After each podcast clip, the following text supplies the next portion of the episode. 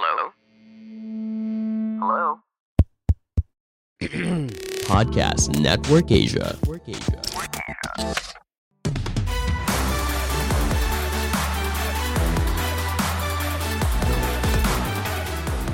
Realistic optimism.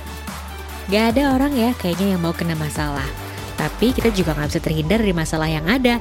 Tinggal bagaimana cara kita menyingkapinya. Kali ini Aaron Paranggon punya tiga set jurus penting agar kita bisa melewati dengan sukses.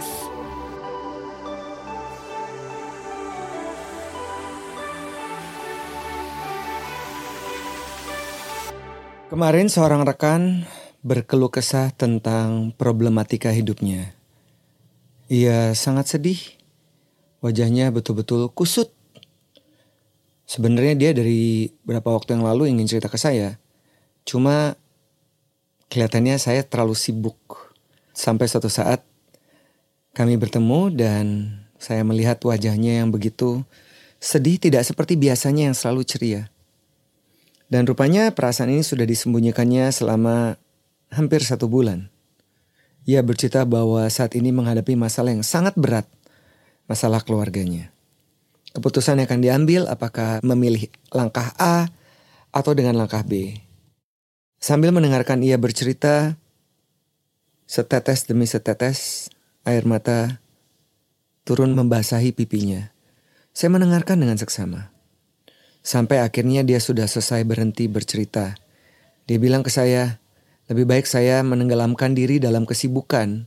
Tapi ketika saya kembali ke rumah, saya kesel banget lihat wajahnya. Saya, ah udah deh, ini kayaknya pilihannya ini gitu. Terus saya bilang ke rekan saya, kamu tahu gak sih ada empat siklus ketika seseorang mengalami sesuatu yang di luar dugaannya. Empat siklus ini yang pertama adalah shock. Yes, rekan saya ini shock. Dia shock dengan apa yang ia dapatkan atau ia terima dari pasangannya. Kita pun demikian. Kalau kita mengalami situasi yang berbeda dari yang biasanya kita jalanin, kita pasti shock. Terjatuh atau tertimpa tangga istilahnya. Atau ditipu. Atau di marahin bos sampai bosnya marah banget atau kehilangan seseorang, kita shock. Itu fase pertama yang dialami dan ini sangat wajar. Setelah shock, perasaan kaget itu yang muncul adalah tahap kedua, yaitu kita tense. Kita tense. Dan itu juga yang saya bilang ke rekan saya, kamu nih sekarang lagi tense, bener-bener tense. Terus saya bilang, kamu tahu kan, dalam mengambil keputusan, kepala harus dingin. Ya saya tahu katanya. Berlinangan air mata tanpa henti membasahi pipinya. Saya bilang ya udah, kamu cooling down aja dulu. Iya nih, makanya saya menenggelamkan diri dalam pekerjaan.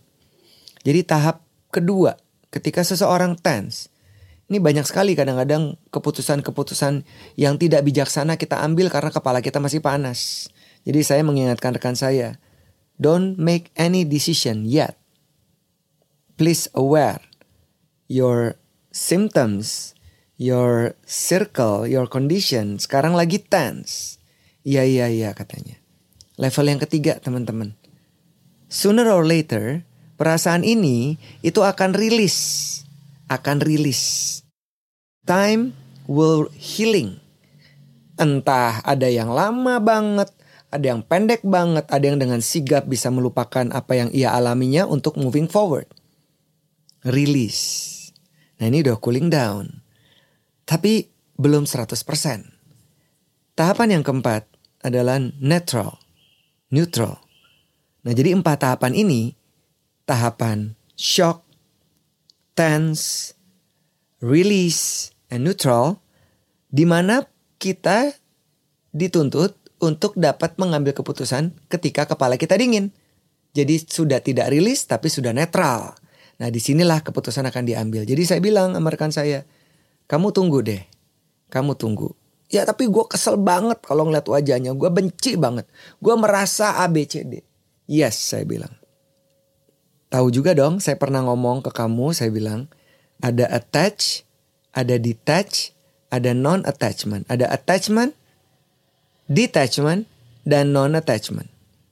attachment. Ketika kita memegang sebuah objek, kita nggak bisa melihat secara menyeluruh objek tersebut. We are very attached to our feeling. My my friend, he or she very attached with the feeling. Jadi nggak bisa ngelihat dirinya ya, nggak bisa ngelihat perasaannya apa yang harus diambil karena terlalu attached. Sedangkan detach, kita meletakkan perasaan kita atau apa yang kita miliki untuk melihat objek tersebut atau situasi tersebut dengan kepala lebih dingin dan melihat dari perspektif yang lebih jauh. Jadi kalau kamu semakin attach dengan emosi kamu, kamu nggak akan bisa segera rilis saya bilang. Kamu pasti akan attach terus. Iya iya iya iya iya gitu ya. Iya saya bilang. Dan yang terakhir levelnya adalah non attachment. Jadi kalau kamu ngeliat atau kita deh ketemu sesuatu kita nggak suka kita udah non attachment jadi kita kayak ya udahlah biarin aja itu dia bukan urusan saya gitu ya nah jadi level berikutnya adalah attachment detachment dan non attachment wah rekan saya tuh langsung lebih mudeng kayak kelihatan banget matanya tuh berubah gitu ya ada secercah harapan di sana terus saya bilang kamu tahu dong apa yang kita alami nih dalam sehari-hari kita itu kan berhubungan dengan waktu demi waktu yang kita jalanin. Dan ada dong di mana kita betul-betul mudeng in the present moment. Ada di mana ketika kita lagi duduk di satu tempat, kita mikirin what happened to our past. Past yang udah lewat. Dan ini bisa sangat kolektif ya. Apa yang kita alami di masa lalu kita, yang kita rasain, perasaan itu bisa kembali muncul. Sehingga akhirnya begitu perasaan itu muncul, you cannot be present. You cannot be connect and you don't have that awareness. Terus dia gini, iya ya. Ya udah, saya bilang. Kalau kamu ngingat sesuatu di masa lampau, apa yang terjadi kemarin, kamu kesel terus. Karena kamu masih attach dan kamu masih tense. Sekarang saatnya kamu mikirin saat ini aja. Saat ini, this present moment.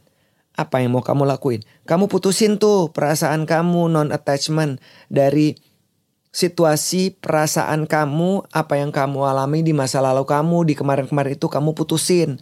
Kamu hilangkan. Jadi sekarang kamu benar-benar fully aware apa nih yang akan saya lakukan saat ini. Misalnya saya bilang, hari ini kamu banyak sekali melakukan phone calls dengan pihak ketiga.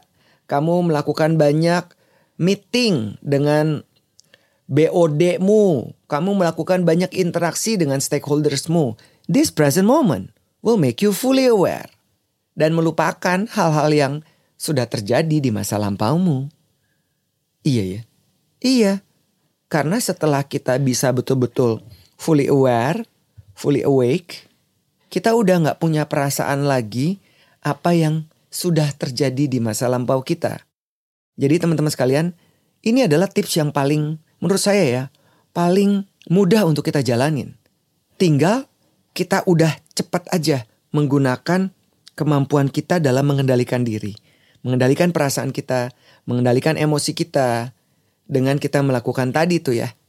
Attach, detach, and non-attachment dan kita hidup di saat ini supaya nanti kita hidup di hari ini saat ini dengan 100% kesadaran kita bisa memiliki future yang jauh lebih baik dan no regret apa yang udah kita lakuin karena kita tahu dalam setiap peristiwa kejadian selalu ada empat siklus yang pertama saya sampaikan.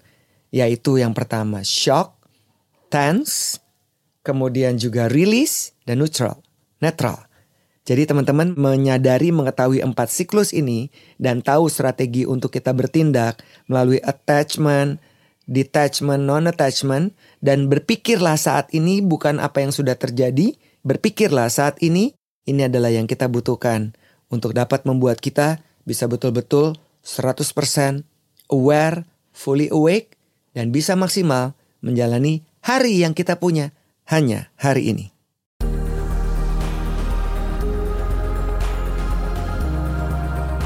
Pandangan dan opini yang disampaikan oleh kreator podcast, host, dan tamu tidak mencerminkan kebijakan resmi dan bagian dari podcast Network Asia. Setiap konten yang disampaikan mereka di dalam podcast adalah opini mereka sendiri dan tidak bermaksud untuk merugikan agama, grup etnik, perkumpulan, organisasi, perusahaan, perorangan, atau siapa pun dan apa pun.